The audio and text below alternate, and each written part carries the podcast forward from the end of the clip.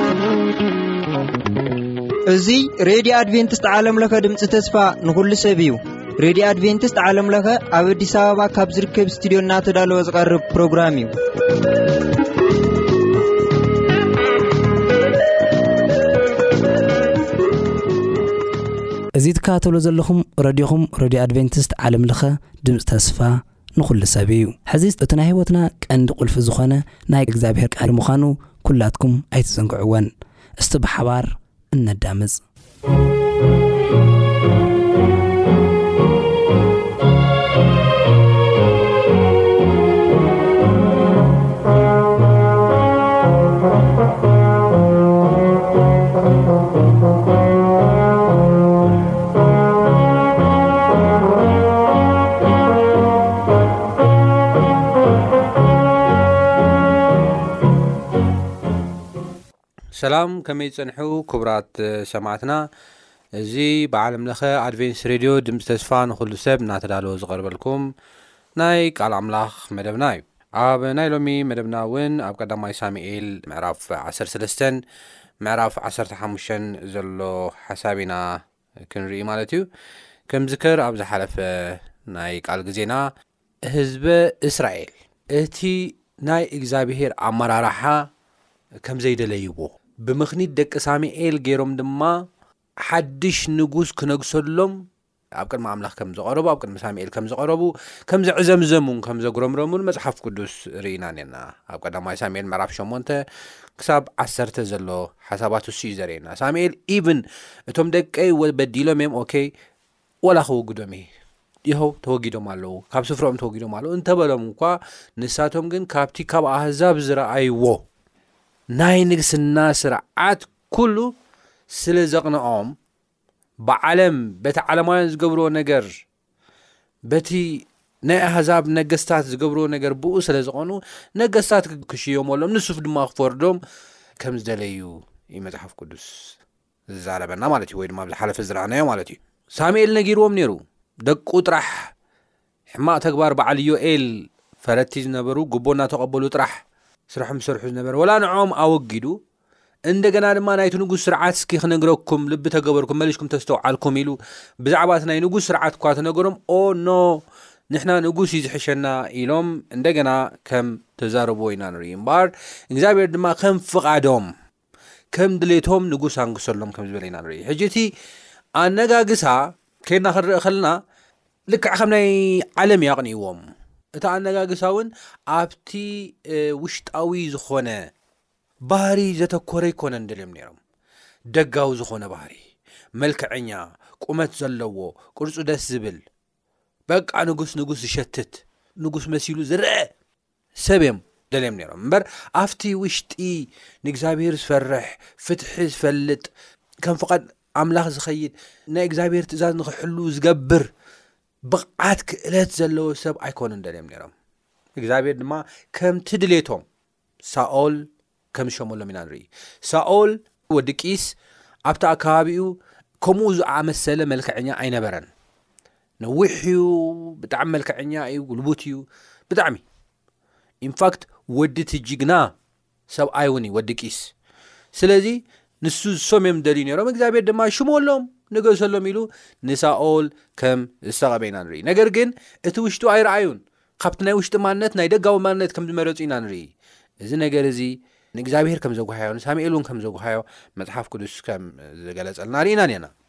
እምበኣር ሎሚ ኸኣ ንገልጾ ብዛዕባ ናይ ሳኦል ማንነት እዩ። ሕጂ ኣብዚ ናይ መጀመርያ ትምህርትና ወይ ድማ ኣብቲ ናይ ዝሓለፈ ትምህርትና ካብ ዝረኣናዮ ከነስተውዕሎ ዘለና ነገር ደጋዊ ነገር ክንርኢ የብልናን።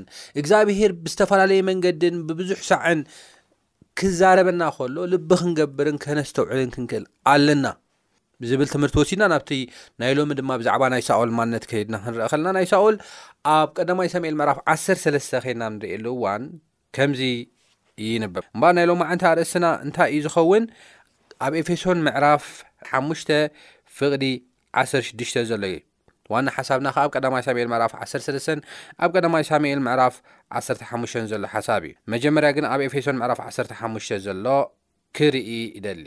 እንታይ ይብል? እምበኣርሲ ቅንያቱ ክፉእ እዩ እሞ፣ ግዜ ዓዲግኩም ከም ለባማት እምበር ከም ዓያሱ ዘይኮነ ከመይ ብጥንቃቐ ከም ትመላለሱ ተመልከቱ። ምእንትዚ እቲ ፍቓድ ጐይታ እንታይ ምዃኑ ኣስተውዕሉ እምበር ዓያሱ ኣይትሆኑ። ዝርገት ኣለዎሞ ብወይኒ ኣይትስከሩ ግና ደቂ መዝሙርን ምስጋና መንፈሳዊ ቅኔን ብልብኹም ንጎይታ እናተቀነኹምሉ እናደረስኩምሉ ነንሕድኩም እናተዛረርኩም መንፈስ ይምላእኹም ስለዚ ኣነ ዝደለኽዋ ነገር ግዜ ዓዲኩም ከም ለባማት ብጥንቃቀ ተመላለሱ ትብለ ስለዚ እቲ ግዜ ምዕዳግ ከም ለባማት ብጥንቃቀ ክንመላለስ እግዚኣብሄር ክንፈርሕ እግዚኣብሄር ክንእዘዝ እዩ ማለት እዩ ስለዚ ብዙሓት ምሁራት እዚ ጥቅሲ እዚ ዝርእይዎ ወይ ድማ ዝርድእዎ ግዜ ምዕዳግ ማለት እንታይ ማለት እዩ፣ ቅንያት ኽፉእ እዩሞ ግዜ ዓድጉ ክብል ከሎ እንታይ ማለቱ እዩ ዝብል ከነጽንዕ ከልና እቲ ዋና ሓሳቡ ንረኽቦ እንታይ እዩ ኣፖርቹኒቲ ተጠቀሙሉ ዝተፈላለየ ዕድላት ኣብ ህይወት ኣሎ እዩ እቲ ዕድላት እቲ እግዚኣብሄር ንምኽባር እግዚኣብሄር ንምእዛዝ ብጥንቃቐ ንምምልላስ ፍቓድ ኣምላኽ ንምፍላጥ እቲ ዕድል ተጠቀሙሉ ሕድሕድ ዕድል ተጠቀሙሉ ምክንያቱ ሕድሕድ ዕድል ናይ ህይወትኩም ነገር ወሳኒት እያ። ብዝብል እዮም ዝርድእዎ ማለት እዩ እሞ ሎሚ እውን እዚኣ እያ እታ መልእኽትና እምበኣር ሎሚ ብዛዕባ ሳኦል ምስዚ ጥቕሲ እዚ ኣተሓሒዝና ክንርኢ ኢና እሞ ሳኦል ኣብ ቀዳማይ ሳሙኤል ምዕራፍ ዓሰርተ ሰለስተ ኬድና ክንርኢ ከለና ከም ዝብል ጥቕሲ ንረክብ ሳኦል ድማ ሓደ ዓመት ነገሰ፣ ክልተ ዓመት ኣብ ልዕሊ እስራኤል ምስ ነገሰ ድማ፣ ሳኦል ኣብ እስራኤል ሰለስተ ሽሕ ሰብኣይ ሓረየ፣ ክልተ ሽሕ ምስ ሳኦል ኣብ ሚክማሽ፣ ኣብ ከረን፣ ቤትኤልን ነበሩ፣ ሓደ ሽሕ ከኣ ምስ ዮናታን ኣብ ጊብዓ ናይ ብንያም ነበሩ፣ እቲ ዝተረፈ ግና ነፍሲ ወከፍ ነናብ ድኳኑ ሰደዶ ይብለና። ደሓር ዮናታን ድማ ነቲ ጊብዓ ዝነበረ ጭፍራ ፍልስጥኤማውያን ወቕዖ፣ ፍልስጥኤማውያን ከኣ እዚ ሰምዑ፣ ሳኦል ድማ ዕብራውያን ይሰምዑ ኢሉ ኣብ ብሃገሩ መለኸት ነፍሐ፣ ብዘሎ እስራኤል ከኣ ንሳኦል ጭፍራ ፍልስጥኤማውያን ወቒዕዎም፣ እስራኤል ድማ ብፍልስጤማውያን ተፈንፊኑ እዩ ክብሉ ሰምዑ። እቶም ህዝቢ ኸኣ ንሳኦል ክስዕቡ ናብ ጊልጋል ተኣከቡ፣ ፍልስጤማውያን ድማ ሰላሳ ሽሕ ሰረገላ፣ ሽዱሽተ ሽሕ ፈረሰኛ፣ ህዝቢ ከምቲ ኣብ ገምገም ባሕሪ ዘሎ ሑጻ ዝምብዝሖም ኰይኖም ምስ እስራኤል ክዋግኡ ተኣከቡ ይብለና። ደይቦም ድማ ኣብታ ምብራቕ ቤት ኣዊን ዘላ ሚክማሽ ሰፈሩ። እቶም ሰብ እስራኤል ከኣ ነቲ ህዝቢ ጸይብዎ ነበረ እሞ፣ ከምጽኦ ምስ ረኣዩ እቶም ህዝቢ ሰዓታት ናብ ኣድዋርን ናብ ኣኻውሕን ናብ ግምብታትን ናብ ጕድጓድን ተሓብኡ። ገሊኦም እብራውያን ከኣ ንዮርዳኖስ ተሳጊሮም ናብ ምድሪ ጋድን ጊልዓድን ከዱ። ሳኦል ድማ ኣብ ጊልጋል ነበረ፣ ብዘሎቱ ህዝቢ ኸኣ እናንቀጥቀጡ ሰዓብዎ። ከምታ ሳሙኤል ዝመደባ ግዜ ሸውዓተ መዓልቲ ተጸበየ፣ ሳሙኤል ግና ኣብ ጊልጋል ኣይመጸን። እቲ ህዝቢ ድማ ካብኡ ፋሕ በለ። ሽዕኡ ዝሓሪ መስዋእትን መስዋእቲ ምስጋናን ኣቕርቡለይ፣ በለ። ዝሓሪ መስዋእቲ ኸኣ ሰውአ፣ ኰነ ድማ፣ ነቲ ዝሓሪ መስዋእቲ ኣዕሪጉ ምስ ፈጸመ፣ እንሆ፣ ሳሙኤል መጸ፣ ሳኦል ከኣ ሰላም ክብሎ ኢሉ ክቕበሎ ወጸ። ሳሙኤል ድማ፣ እንታይ ግብሩ ገበርካ? በሎ። ሳኦል ከኣ፣ እቲ ህዝበይ ካባይ ፋሕ ከም ዝበለ፣ ንስኻ ድማ በተን እተመደባ መዓልቲ ኸም ዘይመጻእካ፣ ፍልስጥኤማውያን ከኣ ኣብ ሚክማሽ ከም እተኣከቡ ርኤኹ እሞ፣ ስለዚ ገና ኣብ ቅድሚ እግዚኣብሄር ከይጸለኹ ኸሎኹ፣ ፍልስጥኤማውያን ናባይ ናብ ጊልጋል ኪወርዱ እዮም ኢለ ደፊረ ዝሓርር መስዋእቲ ኣዕረግኩ። በለ። ሳሙኤል ድማ ንሳኦል በሎ፣ ዓሺኻ፣ እግዚኣብሄር ኣምላኽካ ዝኣዘዘካ ትእዛዝ ኣይሓሎኻን፣ እንተ ዘይኰነስ ሕጂ እግዚኣብሄር ንመንግስትኻ ከኣ ብእስራኤል ንሓዋሩ መጽንዓልካ ነይሩ። ሕጂ ግና እቲ እግዚኣብሄር ዝኣዘዘካ ኣይሓሎኻን እሞ፣ መንግስትኻ ኣይተቐውምን እያ። እግዚኣብሄር ከም ልቡ ዝበለ ሰብኣይ ደልዩስ፣ ንእኡ እግዚኣብሄር ካብ ልዕሊ ህዝቢ ሹም ገበሮ። ሳሙኤል ድማ ኣብ ጊልጋል ተንሲኡ ናብ ጊብዓ ናብ ብንያም ደየበ፣ ሳኦል ከኣ ነቶም ምስኡ ዘለዉ ህዝቢ ኣስታት ሽዱሽተ ሚእቲ ሰብኣይ ቈጸሮም ይብለና። እዚ ሓሳብ እዚ ኼንና ኣብ ንርእየሉ እዋን፣ ሳኦል ብመጀመርያ መምርሒ ተዋሂብዎ ነይሩ እዩ። ክመጸካ እየ ብዚብል መምርሒ፣ ብመንፈስ ቅዱስ ምርሒት እተዋህበ መምርሒ ካብ እግዚኣብሄር ተዋሂብዎ ነይሩ እዩ፣ ብሳሙኤል። ነገር ግን ናይ ፍልስጥኤማውያን ጦር ሕነ ኺፈድዩ፣ ወቒዕናዮ ዮናታን ኢሎም ሕነ ክፈድዩ ብሕርቃንን ብብዝሕን ተኣኪቦም ክመጽዎ ምስ ረኣየ፣ እቲ ህዝቢ ድማ ካብኡ ፋሕፋሕ እናበለ፣ ሳኦል ምንም ኣይገበረን፣ ንሳሙኤል እዩ ዝጽበ ዘሎ። ስለዚ እቲ ህዝቢ ክሪኦ ከሎ ፋሕፋሕ እናበለ እናተበታተነ ምስ ረኣዮ፣ ሳኦል ዝሓር መስዋእቲ ደፊሩ ከም ዝሰወ ኢና ንርኢ። ዝሓር መስዋእቲ ከስውእ ዝኽእል ካብ ነገደ ሌዊ ዝኾነ እዩ።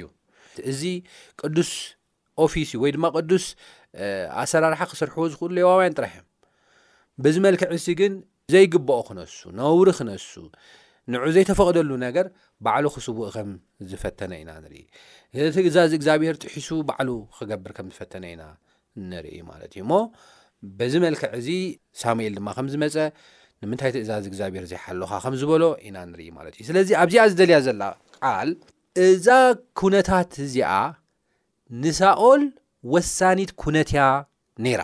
መንግስቱ እትጽንዓሉ፣ መንግስቱ እትቆመሉ፣ ያውም መጽሓፍ ቅዱስ ክዛረበና ከሎ ንሓዋሩ ምጸንዓሉ ነይሩ መንግስቱ ንሓዋሩ ብጣዕሚ ዝገርም ነገር እዩ። እዛ ዕድል እዚኣ ክጥቀመላ ነይርዎ እግዚኣብሄር ግዜ ዓዲጉ እዛ ዕድል እዚኣ ንእግዚኣብሄር ንምኽባር ብእምነት ደው ምባል እግዚኣብሄር ኣይሐድገንን ኢሉ ኣብኡ ብምምርኳስ ክጥቀመላ ነይርዎ እንተኾነ ግን ኣይተጠቀመላ ንእግዚኣብሄር ንምኽባር ናይ ገዛእ ፍቓዱ ሓሳብን ድሌትን ንምግባር እዩ ተጠቂምላ ዘይተፈቕደ መስዋእቲ ባዕሉ ብምሕራር እዩ ተጠቂምላ ካብዚ ዝተላዕለ ዓሽ ኢኻ ከም ተባህለ ኢና ንርኢ። ኣፖርቹኒቲ ተጠቀምካን እዚ ዕድል እዚ ኣይተጠቀምካን ኢሉ መጽሓፍ ቅዱስ ክዛረበና ከሎ ኢና ንርኢ ማለት እዩ። በዛ ሰንኪ እዚኣ ንሓዋሩ ክትጽንዓሉ ትኽእል ዕድል እናነበረት ብዘይምእዛዙ ግን መንግስትኻ ኣይክትቀውምን እያ ከም ተባህለ ኢና ንርኢ። እግዚኣብሄር ካብ ሸዓ ጀሚሩ ከም ልቡ ዝኾነ ሰብ ደልዩ ከም ዘዳለወ ኢና ንርኢ መጽሓፍ ቅዱስ። ሳኦል እዚ ቓል እዚ ሰሚዑ ድሓር ህይወቱ ከይድና ክንርእ ከልና እታ መንግስቱ ካብኡ ከይትውሰዶ ዳዊት ከም ተቐበእ ፈሊጡ ንዳዊት ብዙሕ ሽግርን ብዙሕ ስደትን ኣብፅሒሉ እዩ ግን መንግስቲ እግዚኣብሄር እንተ ደ ይፅኒዕዎ ሓይልን ጉልበትን ጦርን ብዝሒ ሰብን ከጽንዖ ኣይክእልን እዩ መንግስቲ ክጽንዖ ዝኽእል ደው ከብሎ ዝኽእል እግዚኣብሄር ጥራሕ እዩ እዚ ኩሉ ሓይሊ እዞም ኩሎም ወተሃደራት እኳ እናሃለው፣ ንዳዊት ክቐትልዎ፣ እዚ እቲ ወራሲ፣ እዚ እቲ እታ መንግስቲ ዝሕዛ ተባሂሉ ንዑ ዕለት ብዕለት እናሳደድዎ፣ ብጦር እናሰሓትዎ፣ ክጽንዓሎም ግን ኣይከኣለን። ዳዊት ኮይኑ ሳኦል ኣይጸንዓትሉን። ናብ ወዱ ናብ ዮናታን ኣይሓለፈን እቲ መንግስቲ። ዮናታን ሞይቱ፣ ሳኦል ሞይቱ። ብዘሕዝን ነገር መጨረሻኦም ሕማቕ ኮይኑ። ስለዚ ዕድላት ምጥቃም ኣገዳሲ እዩ። ዕድላት እግዚኣብሄር ንምኽባር፣ ብእግዚኣብሄር ንምእማን፣ ፍቓዱ ንምግባር እቲ ዕድላት እቲ ክንጥቀመሉ ይግብኣና እዩ እዩ ነጥቢ። ግዜ ዓዲኩም ብጥንቃቐ ተመላለሱ። እወ ዘጨንቕ እዩ ነይሩ። ከም ንጉስ ምስኡ ዝነበሩ ወተሃደራት ምስኡ ዝነበሩ ህዝቢ ተኣኪቦም ዝነበሩ ኣብ ቅድሚኦም ናይ ፍልስጤማውያን ጦር እናሃለዉ ፋሕፋሕ እዮም ዝብልዎ ነይሮም። ፈቐዶ በዓትታትን ፈቐዶ ጎቦታትን ከረናትን እዮም ዝሕብኡ ነይሮም። ከቢድ እዩ ነይሩ ንዑ ግን እግዚኣብሄር ይኽእል እዩ። ብውሑድ ሰራዊት ዓወት ዝሃበ ጐይታ ይኽእል እዩ። ብምድረ በዳ እግሮም ከይሓበጠ ከይጠፍኡ ኣርብዓ ዓመት ዝመርሐ ጐይታ ይኽእል እዩ። እቲ ሰማይን ምድርን ባሕርን ዓይነ ማያትን ዝፈጠረ ንሱ ይኽእል እዩ።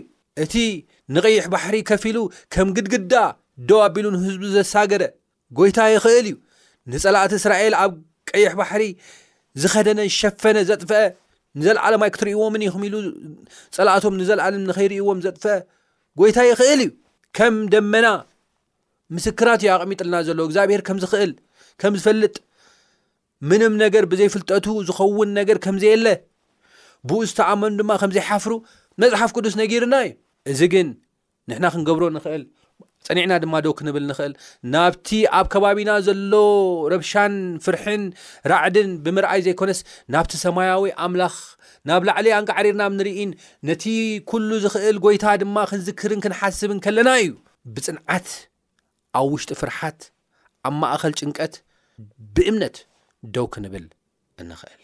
ኣዒንትና ናብ ሰማይ ከምኡ እዩ ዝብል እብራን ምዕራፍ ዓሰርተ ክልተ ከይናብ ንርእየሉ እዋን ካብ ሓደ ክሳብ ሰለስተ ነቲ ናይ እምነትና ጀማርን ፈጻምን ወይ ድማ መደምደሚኣን ዝኾነ ጎይታ የሱስ ክርስቶስ ንዕኡ እናረኣኹም ጉዕዞኹም ቀፅሉ እዩ ዝብለና መፅሓፍ ቅዱስ ክንርኢ ተፀዋዕና ኣብ ዙርያና ዘሎ ረብሻ ኣብ ዙርያና ዘሎ ፍርሒ ኣብ ዙርያና ዘሎ ምሽባር ንክንርኢ ኮና ተፀዊዕና ነቲ ናይ ኣምነትና ጀማርን መደምደሚኣን ዝኾነ የሱስ ክርስቶስ ክንርኢ ኢና ተፀዊዕና ናብኡ ኣብ ንርእየሉ እዋን ተስፋ ኣሎ ናብኡ ኣብ ንርእየሉ እዋን ሓይል ኣሎ ናብኡ ኣብ ንርእየሉ እዋን ፅንዓት ኣሎ ንሱ ከድሕን ከም ዝኽእል እንፈልጠሉ ናብቲ ናቱ ሓይል ድማ ልዕል ልዕል ንብለሉ እዩ ዝኸውን ማለት ናብኡ ኣብ ንርእየሉ እዋን እሞ ሳውል ነቲ ኣብ ዙሪኡ ዝነበረ ረብሻን ፍርሓትን ርእዩ እዛ ዕድል እዚኣ መንግስቱ ክጸንዓሉ ንሓዋሩ ክጸንዓሉ መንግስቱ ንሓዋሩ ክት ነብረሉ እትኽእለሉ ዕድል ከም ዘባላሸወ ኢና ንርኢ በዚ መልክዕ እዚ ኣይተቐውምን እያ እዛ ዕድል እዚኣ ካብዘይ ምጥቃሙ ዝተላዕለ መንግስትኻ ድሕር ሕጂ ኣይተቐውምን እያ ከም ተባህለ እዩ መጽሓፍ ቅዱስ ዝዛረበና ለሚንዎ እዩ ከይድና ብ ንሪእሉ እዋን ለሚንዎ እዩ ነገር ግን ሳሙኤል ካብ እግዚኣብሔር ዝተዋህቦ ሂቡ ከም ዝኸደ ኢና ንርኢ ማለት እዩ እግዚኣብሔር ግን ማሓሪ ኣምላኽ እዩ ገገኦም ኣሚኖም ዝሓዘኑ ዝዋሃዩ በደሎም ኣሚኖም ድማ ዝተጣዕሱ ሰባት ብምልኦም ዕድል እንደገና ዝህብ ናይ እንደገና ኣምላኽ እዩ። እግዚኣብሔር ይመስገን ሳውል ኣብዚ ግዜ እዚ ወዲቑ ዓሽዩ ዕድሉ ይተጠቀመሉን ኣባላሽዩ ነገር ግን እግዚኣብሔር በቃ ዕድልካ ይተጠቀምካን ኢሉ ኣይወርወሮን እቲ ናይ እንደገና ኣምላኽ እንደገና ዕድል ከም ዝሃቦ ኢና ንርኢ። መንግስቱ ንሓዋሩ ከጽንዓሉ ዝኽእል ዕድላት ክጥቀመሉ እንደገና እግዚኣብሔር ዕድል ከም ዝሃቦ ኢና ንርኢ። እግዚኣብሔር ኣምላኽ ናይ እንደገና ኣምላኽ እዩ። ንሱ ምሕረት ይፈቱ፣ ንሱ ትዕግስቲ ይፈቱን ትዕግሱ ድማ ናቱ ባህሪ እዩ። ሕርቃንን ታህዋኽን ግን ናቱ ባህሪ ኣይኮነን። ስለዚ እዚ ናይ እንደገና ኣምላኽ እንደገና ዕድሉ ክጥቀም ዕድል ከም ዝሃቦ ኢና ንርኢ እምበኣር ኣብ ቀዳማይ ሳሙኤል ምዕራፍ ዓሰርተ ሓሙሽተ እንደገና ካልእ ዕድል ከም ተዋህቦ ኢና ንርኢ። ኣብ ቀዳማይ ሳሙኤል ምዕራፍ ዓሰርተ ሓሙሽተ ኸይና ኣብ ንርእየሉ እዋን ብዛዕባ ኣማሌቃውያን እዩ ዝዛረብ። ኣማሌቃውያን መን እዮም? ንምንታይ እዮም ከ ኣብዚ እግዚኣብሄር ኣጥፍኣዮም ሓደ እኳ ከይትንሕፍ ኢሉ ትእዛዝ ዝሃቦ? ንምንታይ እዩ ኣብ ከረን ሲና ወይ ድማ ኣብ ምድረ በዳ እናተጓዕዙ ኣብ ዝነበርሉ ግዜ ኣቦታቶም ንበዓል ሳወል ኣብ ዘጸኣት ኴንና ንርእየሉ እዋን ማለት እዩ ብድፍረት ካብቶም ኣብ ጎረቤት ዝነበሩ ኣህዛብ ብድፍረት ንመጀመርያ ግዜ ዝተቓወምዎም ኣይትሓልፉን ኢኹም ከነጥፍኣኩም ኢና ኢሎም ዝተዋግእዎም ህዝቢ ኣማሌቃውያን እዮም እዞም ህዝቢ እዚኦም ካብቲ ናይ ጣዖት ኣምልኾቶምን ካብቲ ናይ ዝገብርዎ ዝነበሩ ርኽሰትን ብተወሳኺ ንእግዚኣብሔር ህዝቢ ንመጀመርያ ግዜ ዝተቃወሙ ዝተዋግእዎም ጨካናት ሰባት እዮም ሓያላት ሰባት እዮም ደድሕሪኡ መጽሓፍ ቅዱስ ኬና ክንርኢ ከለና ንኣማሌቃውያን ትዝክሩ ተኮይንኩም ምስ ኣሜላውቃውያን ውግእ ክገጥሙ ከሎ ናይ ሙሴ ኢድ ሓፍ ኢላ ኣብ ዝነበረትሉ ግዜ እስራኤላውያን ይስዕሩ ኢዱ ኣብ ዝደኸመሉ ግዜ ኣብ ዝወረደትሉ እዋን ድማ ኣማሌቃውያን ይስዕሩ ነዊሕ ሰዓት ዝወሰደ ውግእ እዩ ነይሩ ደሓር ናይ ሙሴ ኢድ ደገፍቲ ብዙሓት ገይሮም ከም ዝደገፉ ልዕል ኢላ ንክትረአ ናይ ሙሴ ኢድ ብዙሓት ከም ዝደገፉ ኢና መፅሓፍ ቅዱስ ዝነገረና ማለት እዩ በዚ መልክዕ እዚ ከዓ ዓወት ናይ እስራኤላውያን ኮይኑ ከም ተወደአ እዩ መፅሓፍ ቅዱስ ዝዛረበና ማለት እዩ ደሓረይ እግዚኣብሄር ዝክር ግበር ከም ዝበሎ ኢና ንርኢ። ኣብ ዘዳግም ምዕራፍ ዕስራን ሓሙሽተን ከይድና ኣብ ንርእየሉ እዋን ካብ ዓሰርተ ሸውዓተ ኣትሒዘ ከነብበ እቲ ካብ ግብፂ ምስ ወፃእኹም ኣማሌቅ ኣብ መንገዲ ዝገበረካ ዘክሮ ሕማቕ ነገር እዩ ገይሩ ግፍዒ እዩ ነገር ገይሩ ካብቲ ኣብ ህይወቱ ዝነበረ ካብ ሃገሩ ዝነበረ ርኽሰትን ናይ ጣዖት ኣምልኾን እግዚኣብሔር ዘይፈትዎ ነገር ብተወሳኺ ሕማቕ ነገር ግፍዒ እዩ ሰሪሑ ኣብ እስራኤላውያን ንስኻ ደኺምካን ተሓሊልካን ኮለኻ ኣብ መንገዲ ተጓነፈካ ደኺምካን ተሓሊልካን ከለኻ መንገዲ ተጓነፈካ ንእግዚኣብሔር ከይፈረ ከዓ ነቶም ዳሕሮትካ ንዅሎም ኣብ ድሕሬኻ ዝነበሩ ድኹማት ወቕዐ ይብለና ክኸውን ድማ እዩ ካብቶም ኣብ ዙርያ እቲ እግዚኣብሔር ኣምላኽ ክትወርሳ ንርስቲ ዝህበካ ምድሪ ዝነበሩ ዅሎም ጸላእትኻ እግዚኣብሔር ኣምላኽካ ምስ ኣዕረፈካ ንዝኽሪ ኣማሌቅ ኣብ ትሕቲ ሰማይ ይምለሶ ኣይትረስዓዮ ኢሉ ተዛሪብዎም ነይሩ እዩ። ኣርባዕተ ሚእቲ ዓመታት ሓሊፉ እዚ ቃል እዚ ካብ ዝጸሓፍ፣ ኣማሌቅ ግን ካብቲ ርኽሰቶም ክምለሱ ይከኣሉን ካብቲ ናይ ጣዖት ኣምልኾቶም ክምለሱ ይከኣሉን። ካብዚ ብተወሳኺ ቦልድሊ ናይ እግዚኣብሄር ህዝቢ ካብ ምቅዋሙን ኣይተመልሱን። እግዚኣብሄር ዕድል ዘህብ ኣምላኽ እዩ። ዕድል ሂብዎም ነይሩ። ኣርባዕተ ሚእቲ ዓመት ዕድል ሂብዎም ነይሩ። ዝገበርዎ ክፉእ ነገር ይቕሬታ ንህዝቢ እስራኤል ክሓቱ ካብ ርኹሰቶምን ካብ ሓጢኣቶምን ክምለሱ ናብ እግዚኣብሔር ኣምላኽ ምምላኽ ክመፁ እግዚኣብሔር ዕድል ሂቦም ነይሩ እዞም ሰባት እዚኦም ግን ኣብ ክንዲ ንእግዚኣብሔር ምምላኽ ኣብ ክንዲ ንህዝቢ እስራኤል ይቕሬታ ምሕታት እንደገና ክወግዎም ኣማሌቃውያን ከም ዝመፁ እዩ መፅሓፍ ቅዱስ ዝዛረበና ዝኽሪ ኣሎ ኣይተረስዓ የተባሃለ ነገር ኣሎ እዞም ሰባት እዚኦም ኣርባዕተ ሚእቲ ዓመት ዕድል ተዋሂብዎም እዩ ሓድ እግዚኣብሔር ከም ዝወሰነ ነዞም ሰባት እዚኦም ኣጥፋዮም ሓደ እኳ ከይትንሕፍ ከም ተባህለ ኢና ንርኢ። ብፍላይ ሳኦል ኣብ ዝነበረሉ ግዜ ንጉስ ኣጋግ ዝበሃል ዝነበረ ንጉስ ብጭካነኡን፣ Cruelty፣ በቲ ዝገብሮ ዝነበረ ሕማቕ ዝኾነ ተግባራት ዝፍለጥ ንጉስ እዩ ነይሩ። ስለዚ እዚ ሕማቕ ዝኾነ ተግባራቱ ኣብ እስራኤል እንደገና ክፍጽም ከም ዝመጸ እዩ መጽሓፍ ቅዱስ ዛረበና ማለት እዩ ስለዚ እግዚኣብሄር ንሳወል እንታይ ኢልዎ ድዚ ግዜ እዚ ሓደ እኳ ከይትንሕፍ ንኹሉ ኣጥፍኣዮ ዝብል ትእዛዝ ከም ተዋህቦ ኢና ንርኢ እዚኣ ነገር እዚኣ ንሳወል ዓባይ ዕድል እያ ነይራ እቲ ናይ እንደገና ኣምላኽ እንደገና መንግስቱ ከጽንዓሉ እንደገና መንግስቱ ንሓዋሩ ክትቀውም ተኽእል ዕድል እያ ነይራ እዛ ነገር ግን ሳኦል ዓብዪ ዝዀነ ዓወት እንተ ተዓወተ እኳ፣ እግዚኣብሄር ኣብ ኣማሌቃውያን ዓቢ ዓወት እኳ እንተ ሃቦ፣ ነገር ግን ሳኦል ንኣጋግ ብህይወቱ ሒዙ ኸም ዘምጾ ኢና ንርኢ።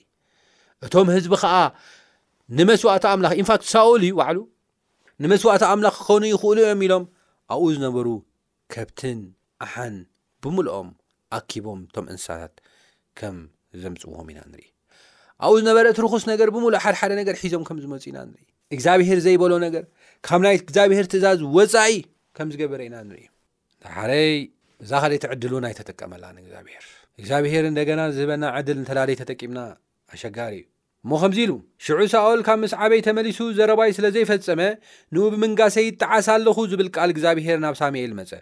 እዚ ንሳሙኤል ኣጕሃዮ እሞ ለይቲ ብምልእታ ናብ እግዚኣብሄር ተማህለለ ይብል። እግዚኣብሄር ዕድል እኳ ተዋህቦ፣ ሳኦል ግን ክምለስ ኣይከኣለን። እግዚኣብሄር ዕድል እኳ ተሃቦ፣ ዕድሉ ክጥቀም ኣይከኣለን። ስለዚ እጣዓስ ኣለኹ ኢሉ እጣዓስ ኣለኹ። ሳሙኤል ድማ ንሳኦል ንግሆ ክራኸቦ ኢሉ ኣንጊሁ ተንሰ። ካብ ዝገርም ግን ጌግኡ ጥራሕ ኣይኮነን። እዚ ሓደ ዓቢ ጌጋ ንእግዚኣብሄር ዘጣዓሶ ነገር እኳ እንተኾነ እዚ ነገር እዚ ንሳሙኤል ዘጓሃዮ እንደገና ድማ እግዚኣብሄር ምሕረት ክገብረሉ ሙሉእ ለይቲ ዝጸለየሉ ነገር እኳ እንተኾነ እቲ ናይ እንደገና ኣምላኽ ሕጂ እውን ተትምለስ ዕድል ምሃቦ ነይሩ። ነገር ግን ናይ ሳኦል ትዓብይ ካብቲ ሓጢኣትሲ እቲ ዝዓበየ ሓጢኣት ድማ ዝገበሮ ድሕሪ ሕጂ ኣንቢበ ዝገልጾ ሓሳብ እዩ ዝኸውን ማለት እዩ። ሳሙኤል ድማ ንሳኦል ንግሆ ክራኸቦ ኢሉ ኣንጊሁ ተንስአ፣ ሽዑኡ ኸኣ ንሳሙኤል ሳኦል ኣብ ቀርሜሎስ መጺኡ ኣሎ፣ እንሆ ድማ ንኡ ዝኸውን ሓወልቲ ኣቝሙ ዘይሩ ድማ ተሳጊሩ ናብ ጊልጋል ወሪዱ ኣሎ ኢሎም ነገርዎ። ሳሙኤል ድማ ናብ ሳኦል መጸ፣ ሳኦል ከኣ ንስኻ ብእግዚኣብሄር ብሩኽ ኩን፣ ኣነ ቓል እግዚኣብሄር ፈጺመ እየ በሎ ይብለና እዚ እዩ እቲ ዓበ ሓጢኣት ኣነ ናይ እግዚኣብሄር ትእዛዝ ኣነ ናይ እግዚኣብሄር ቃል ፈፂመ ኢሉ ከም ተዛረበ ሚእቲ ካብ ሚእቲ ኢና ንርኢ ካብቲ ሓጢኣትሲ እንደገና መልሽካ ሓጢኣት ካብቲ ጌጋስ መልሽካ ጌጋ ሳሙኤል ኦሬዲ ይፈሊጡ ኣሎ እግዚኣብሔር ገሊጹሉ እዩ ሳሙኤል ግና ነዛ ባጊዕን ቢዕ ክብላ ኣሓ እምባሕ ክብላ ናቆየን ብእዝነይ ዝሰምዖ ዘለኹ ድኣ እንታይ እዩ በለ ሳኦል ድማ፣ እቶም ህዝቢ ኻብ ኣማሌቃውያን ዜምጽእወን፣ ካብተን ኣባጊዕን ኣይሐንጸበቓን፣ እግዚኣብሄር ኣምላኽካ ምእንቲ ኺስውኣን ኢሎም ዝነሓፍወን እየን፣ ነተን ዝተረፋ ግና ፈጺምና ኣጥፊእናየን ኢና ኢሉ ኸም እተዛረበ ኢና ንርኢ። ሕጂ እውን እንደገና ሳሙኤል ዕድል እኳ እንተ ሃቦ ንስሓ ኺኣቱ፣ እቶም ህዝቢ እቶም ህዝቢ ዘምጽእወን እዮም ኢሉ ኸም እተዛረበ ኢና ንርኢ። ኣት ሊስት ኽንስሓ እኳ ኣይከኣለን። ንኽንሳሕ ብዝተዋህቦ ዕድል እንኳን ክጥቀም ኣይከኣለን፣ ክንሳሕ ኣይከኣለን። ርእሱ እዩ ዘማጻድቕ ነይሩ። ጌጋ ኸም ዘይኰነ፣ ልክዕ ከም ዝዀነ እዩ ኪምስክር ዚጽዕር ነይሩ፣ ሓጢኣቱ ኺሽፍን ዚጽዕር ነይሩ። ይቕጽል፣ ሽዑ ሳሙኤል ንሳኦል፣ እግዚኣብሄር ሎሚ ለይቲ እተዛረበኒ ኽነግረካስ ጽናሕ በሎ። ንሱ ኸኣ ተዛረብ በሎ። ሳሙኤል ድማ፣ ንስኻ ኣብ ዓይንኻ ንእሽተይ ከለኻ፣ ንስኻ ሓለቓ ነገዳት እስራኤል ደይኰንካን? እግዚኣብሄር ድማ ኣብ ልዕሊ እስራኤል ንጉስ ክትከውን ቀብኣካ። እግዚኣብሄር ከኣ ኪድ ነቶም ሓጥኣን ንኣማሌቃውያን ፈጺምካ ኣጥፍኣዮም ክሳዕ ዝውድኡ ድማ ተዋጋኣዮም ኢሉ ንመንገዲ ሰደደካ። ስለምንታይ ኢኻ ደሃይ እግዚኣብሄር ዘይሰምዓኻ? ኢልዎ። እዚኣ እያ እታ ነጥቢ። ስለምንታይ ከ ናብቲ ተዘምተ ተወርዊርካ ኣብ ቅድሚ እግዚኣብሄር ክፉእ ዝገበርካ? በለ። ማይ እንድዩ እዚ ዘረባ እዚ ንሳኦል ንስሓ ከእትዎ፣ እንደገና ተደፊኡ ጐይታያ ይቕረ በለኒ ኢሉ ክወድቕ ክገብሮ እዩ እቲ ዘረባ ዝዝረብ ዘሎ ሳኦል ድማ ንሳሙኤል ድሃይ እግዚኣብሄር ሰሚዐ በታ እግዚኣብሄር ዝለኣኸኒ መንገዲ ከይደ ንኣጋግ ንጉስ ኣማሌቅ ኣምፅኤዮ ኣለኹ ንኣማሌቃውያን ፈፂመ ኣጥፍኤዮም እየ ኢሉ እንደገና ርእሱ ከም ዘመፃደቀ ኢና ንርኢ ካብቲ ናይ ሓጢኣት መልሽካ ሓጢኣት ክርክር ርእስኻ ምፅዳቕ ምንም ንዘይጠቕሞ ምንም ንዘይረብሖ ነገር ርእስኻ ምፅዳቕ ናይ እግዚኣብሄር ቃል ሰሚዐ ኣጥፊኤዮም'የ ኢሉ ክዛረብ ኮይኑ ብዓይኒ ዝረኣይ ነገር እናሃለወ ኣሉ ምባል ማለት እዩ ሎሚ ርእስና ንመርምር ርእስና ንኸነፅድቕ ኣብ ክንዲ ኣብ ትሕቲ እግዚኣብሄር ውድቕ ኢልና ይቕሬታ ንሓትት ኣብ ክንዲ ኣናላይዝ ጌርና ይቕሬታ ንሓትት ኣብ ክንዲ ርእስና መርሚርና ይቕሬታ ንሓትት ኣብ ቅድሚ እግዚኣብሄር ንወድቕ ክንደይኖት ኢና ከም ሳኦል ብትሪ ልቢ ንኸይድ። ክንደየኖት ኢና ርእስና ከነጽድቕ ላዕልን ታሕትን እንብል? እዚ ነገር እዚ ግን እንታይ ምዃኑ ሕጂ ሳሙኤል ክነግረና እዩ። ሳሙኤል ከኣ ንእግዚኣብሄር ዝሓሪ መስዋእትን መስዋእቲ ሕሩድን ከም ምስማዕ ድሃይ እግዚኣብሄር ገይሩዶ ይሕግሶ እዩ? እንሆ ምስማዕ ካብ መስዋእቲ፣ ጽን ምባል ድማ ካብ ስብሒ ደዓውል ይበልጽ እዩ። ዕልወትሲ ሓጢኣት ጥንቁልና እዩ፣ ህልኽ ከኣ ምምላኽ ጣኦት ተራፊምን እዩ ኢሉ ክዛረብ ከሎ ኢና ንርኢ። ህልኽ ምምላኽ ጣኦትን ተራፊምን እዩ። ይቕጽል፣ ንቓል እግዚኣብሄር ስለ ዝነዓቕካዮ፣ ንሱ ኸኣ ከይትነግስ ነዓቐካ። ሳኦል ድማ ንሳሙኤል፣ ነቶም ህዝቢ ፈሪሀ ቃሎም ስለ ተኣዘዝኩ፣ ንትእዛዝ እግዚኣብሄር ንዘረባኽን ሓሊፈ እየ እሞ ሓጣእኹ በለ። ሕጂ ግና በጃኻ ሓጢኣተይ ይቕረ በለለይ፣ ንእግዚኣብሄር ክሰግድ ከኣ ምሳይ ተመለስ፣ በሎ። ሳሙኤል ንሳኤል ቃል እግዚኣብሄር ስለ ዝነዓቕካ፣ እግዚኣብሄር ከኣ ኣብ እስራኤል ከይትነግስ ኒዒቑካ እየ እሞ፣ ምሳኻ ኣይምለስን እየ፣ በሎ። ሳሙኤል ክኸይድ ገጹ ምስ መለሰ፣ ንሱ ኸኣ ጫፍ ክዳኑ ኣጽኒዑ ሓዘ እሞ፣ ተቐደ። ሳሙኤል ድማ፣ እግዚኣብሄር ሎሚ መንግስቲ እስራኤል ካባኻ ቐዲዱ፣ ካባኻ ንዚሓይሽ ብጻይካ ሃቦ፣ ይብል።